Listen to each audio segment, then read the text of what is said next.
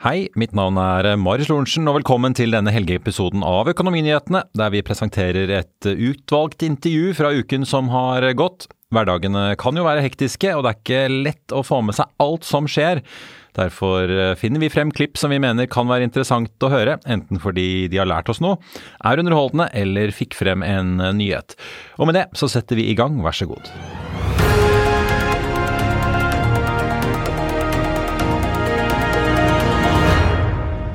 Filippe Mathieu, konserndirektør for Equinors internasjonale virksomhet. Eh, la oss, kan vi begynne litt med landporteføljen? For det er ikke så lenge siden dere annonserte at dere går ut av Aserbajdsjan og Nigeria. Vi ser at dere tar en nedskrivning i, i, regnskapet nå på litt over 300 millioner dollar. Veldig mye av det skyldes Aserbajdsjan.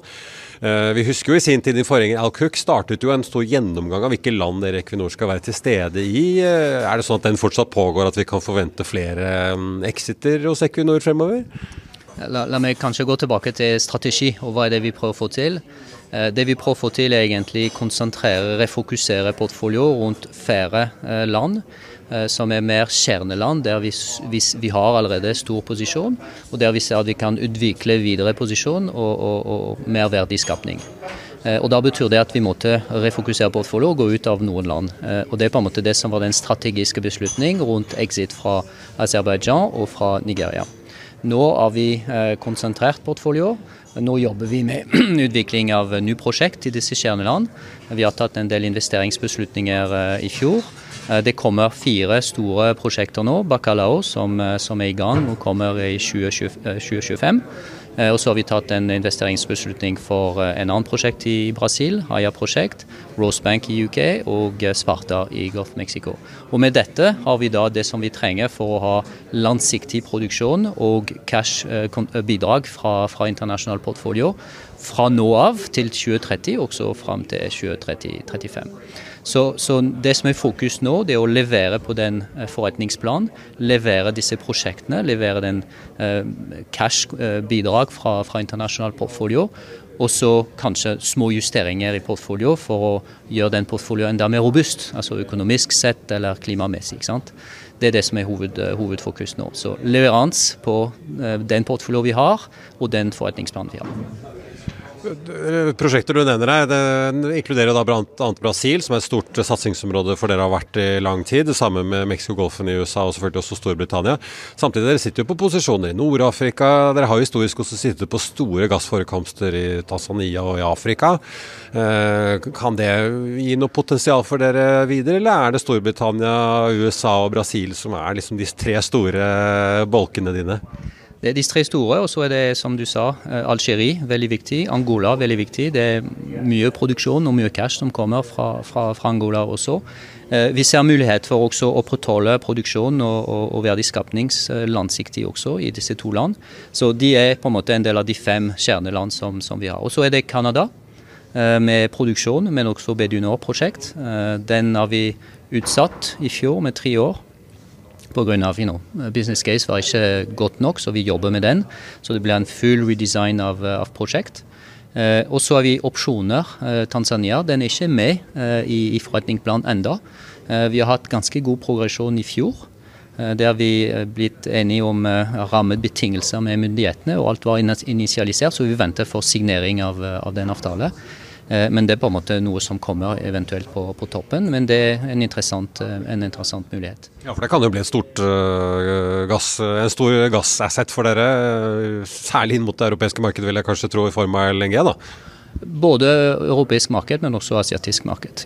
For den er veldig godt posisjonert til, til, til Asia-marked. Så ja, absolutt. Og det er gass, så det, det stemmer godt i strategi òg. Det er jo attraktivt i årene fremover. Men uh, du nevnte jo uh, Canada. Skal vi snakke litt om det? For vi har jo sett rapporter nå om at dette Bay du Nord-funnet, som vi husker det er jo vel ti år siden det første gang ble gjort på østkysten av Canada. Estimatene har jo sprikt mye opp gjennom årene. Dere har lett mye, boret mye i området, bygget dette her opp sakte, men sikkert, virker det som. Og så har man plutselig tall fra kanadiske lokale myndigheter på 1,3 milliarder fat. Er det det som dere også regner med man kan få ut av dette her prosjektet nå? Eh, når vi ser på kommersielle og tekniske ressurser, eh, det er på en måte en ting. Vi fokuserer på kommersielle eh, ressurser, og vi har før kommunisert 500 Og vi, vi, på måte, vi står på, på, på, det. Så det vi gjør nå, det er jo mer å tenke sånn ny design for prosjekt. Først å redusere CapEx, altså kapital som, som, kreves for å utvikle og utbygge prosjekt.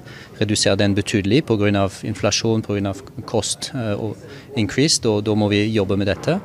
Og så skal vi bore to exploration wells i Canada i år, med håp for å finne mer ressurs, bedre ressursgrunnlag, som kan ja, da, da gjøre den forretningscase for, for Bidnor enda, enda, enda, bedre. Men vi har vi, vi har gitt oss tre år til for å modne prosjekt og, og, og, tenke helt nytt i forhold til hvordan prosjekt skal utvikles. I'll see you in court. Vi sier det ofte litt på spøk, men for deg som driver business, er det aldri moro å innse at du ikke har laget en 100% gyldig kontrakt. Du bør ikke risikere hele firmaet ditt fordi du synes dette med kontrakter er litt stress. En avtale er ikke en avtale. Du kan miste kunder, miste venner, ja, til og med miste inntekter om du ikke lager en skikkelig kontrakt, på alt mulig, egentlig. Men vi vet det er et styr, kopimaskiner, treg printer og haugevis av papir. Dessuten stoler vi jo på folk her i landet. Det er ofte litt kleint å skulle be om en signatur for alt mulig, ja, for mye av styret handler også om jakten på underskriften. Det finnes en enkel måte å løse dette på, Dukkobit, en trygg, effektiv og get this, gratis måte å sikre seg en god natts søvn pluss en juridisk bindende avtale. Dukkobit-appen har de strengeste sikkerhetskrav i bunn, samt en EU-godkjent og sertifisert teknologi. Framover vil det bli behagelig å spørre du, skal vi skrive under på det, eller? Kom i gang på dokobit.no. Er det sånn at man ser da paralleller får jeg si, igjen mellom Rosebank i UK, Wisting hjemme i Norge og Bay du Nord? I sin tid planla man jo FPSO-er som var ganske like på disse tre feltene. Så gjorde man om på Wisting, men det er jo også igjen utsatt pga. bl.a. verftskapasitet i Korea og også kostnadsnivå. Men kan dere klare å få noen synergier på tvers av disse tre prosjektene? Vi, vi, vi, skal prøve. Altså, og vi skal tenke også litt nytt, eh, både på, på Wisting og, eh, og Bedunor. Bl.a. hvordan vi uh, inkluderer uh, det, suppliers uh, i, i, i, tenkning, utvikling av, av, av, prosjekt tidligere kanskje enn det vi har gjort før. For å sikre at vi på en måte tar de, de riktige og gode nye ideer tidlig, sånn at vi kan ja, ha en, en, mer solid forretningscase for, for, for Bedunor. Hvis du ser på den internasjonale porteføljen samlet sett, nå snakker jo Equinor om, eh, i hvert fall for Norges del, at dere skal ligge flatt på norsk sokkel helt frem til 2035 på rundt 1,2 millioner eh, fat per dag. Hvordan tenker dere globalt da? Er det sånn at dere ønsker å ligge på rundt 800 000 fat per dag, ganske stabilt eh, der også, eller vil vi se en annen profil? Det som vi kommuniserer i dag, det er en vekst i produksjon fra 700 ish i, i, i dag til 800 i 2030. Eh, så 15% Det er det som ligger i planen, det er det som blir fokus, det er det som blir på en måte jobben å, å, å levere. Eh, det som er interessant, er at du har en 15% økning i produksjon. Men cashflow, altså pengemessig, eh, du har en altså cashflow from operation som øker med 50 5-0 i samme periode. Så den økningen kommer selvfølgelig av den produksjonsøkning, men det kommer også mest fra kvalitet som vi har i portfolio Altså vi tar eh, gammel eh, produksjonfelt eh, som blir erstattet av next generation asset. Og de har en helt annet bidrag, cash-bidrag per fat. Og de, de har også lavere emisjon, altså CO2-emisjon. Så dette gjør at vi tjener mer penger per fat i 2030 enn det vi gjør i dag. Så det er på en måte den kvalitetsøkning i portfolio med alle disse nye prosjekt som kommer inn. Eh, som på en måte gjør at vi har en mye sterkere vekst i, eh, i cash flow from operation enn vi ser fra, fra, produksjon. Og Det som er viktig, er at vi på en måte utvikler den internasjonale portfolio med nok longevity, sånn at vi har bidrag fra, fra både produksjon, men, men, mest cashflow, for å finansiere eh, transisjon eh, ut i tid. Men at vi gjør dette på en måte som gjør at vi også genererer cash og cashflow også i den kortsiktige periode, iallfall fra, fra nå av til, til 2030. Til slutt kan du si litt om konkurransen globalt. Vi kjenner jo til norsk sokkel. Der har jo aktører som Exxon og Chevron trukket seg ut. Vi ser at dere sammen med Aker BP og Vår Energi er liksom de tre store. Så får vi se hva Harbour skal komme og gjøre. Men likevel, globalt, dere er jo i markeder som Brasil, Mexico, Golfen, der dere jo satser. Dere er jo ikke i Guyana, der hvor vi ser en del av de andre store globale har satset veldig tungt. Hvordan er konkurransen i de bassengene dere opererer, da? Den er ganske, ganske høy. Altså, du ser at det er en, en, en, viss endring i noen av våre konkurrenter, som på en måte fokuserer mer nå på olje og gass enn kanskje de har gjort, de har gjort før. Så det er på en måte en økning av, av konkurranse. Du ser også en viss konsolidering, men store avtaler som, som legges fram i USA og, og, egentlig globalt. Så det er en skift i, i konkurransesituasjonen. Vi, vi, er ganske konkurransedyktige der vi er, og det er derfor vi har valgt å være der. Enten det er Brasil, UK, US og de, de andre kjerneland. Eh, så Det er derfor vi fokuserer på dette, for, på, på, disse land og disse kjerneposisjon. For det er der vi ser at vi kan ha kanskje en, en, en bedre konkurranseposisjon, og ikke gå for tynt uh, i, i, andre land.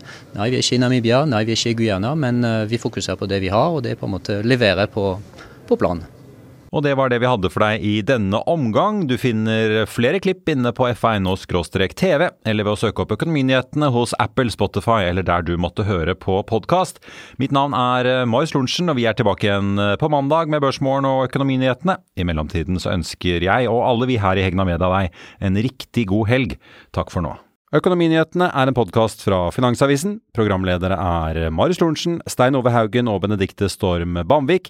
Produsenter er Lars Brenden Skram og Bashar Johar. Og ansvarlig redaktør er Trygve Hegnar.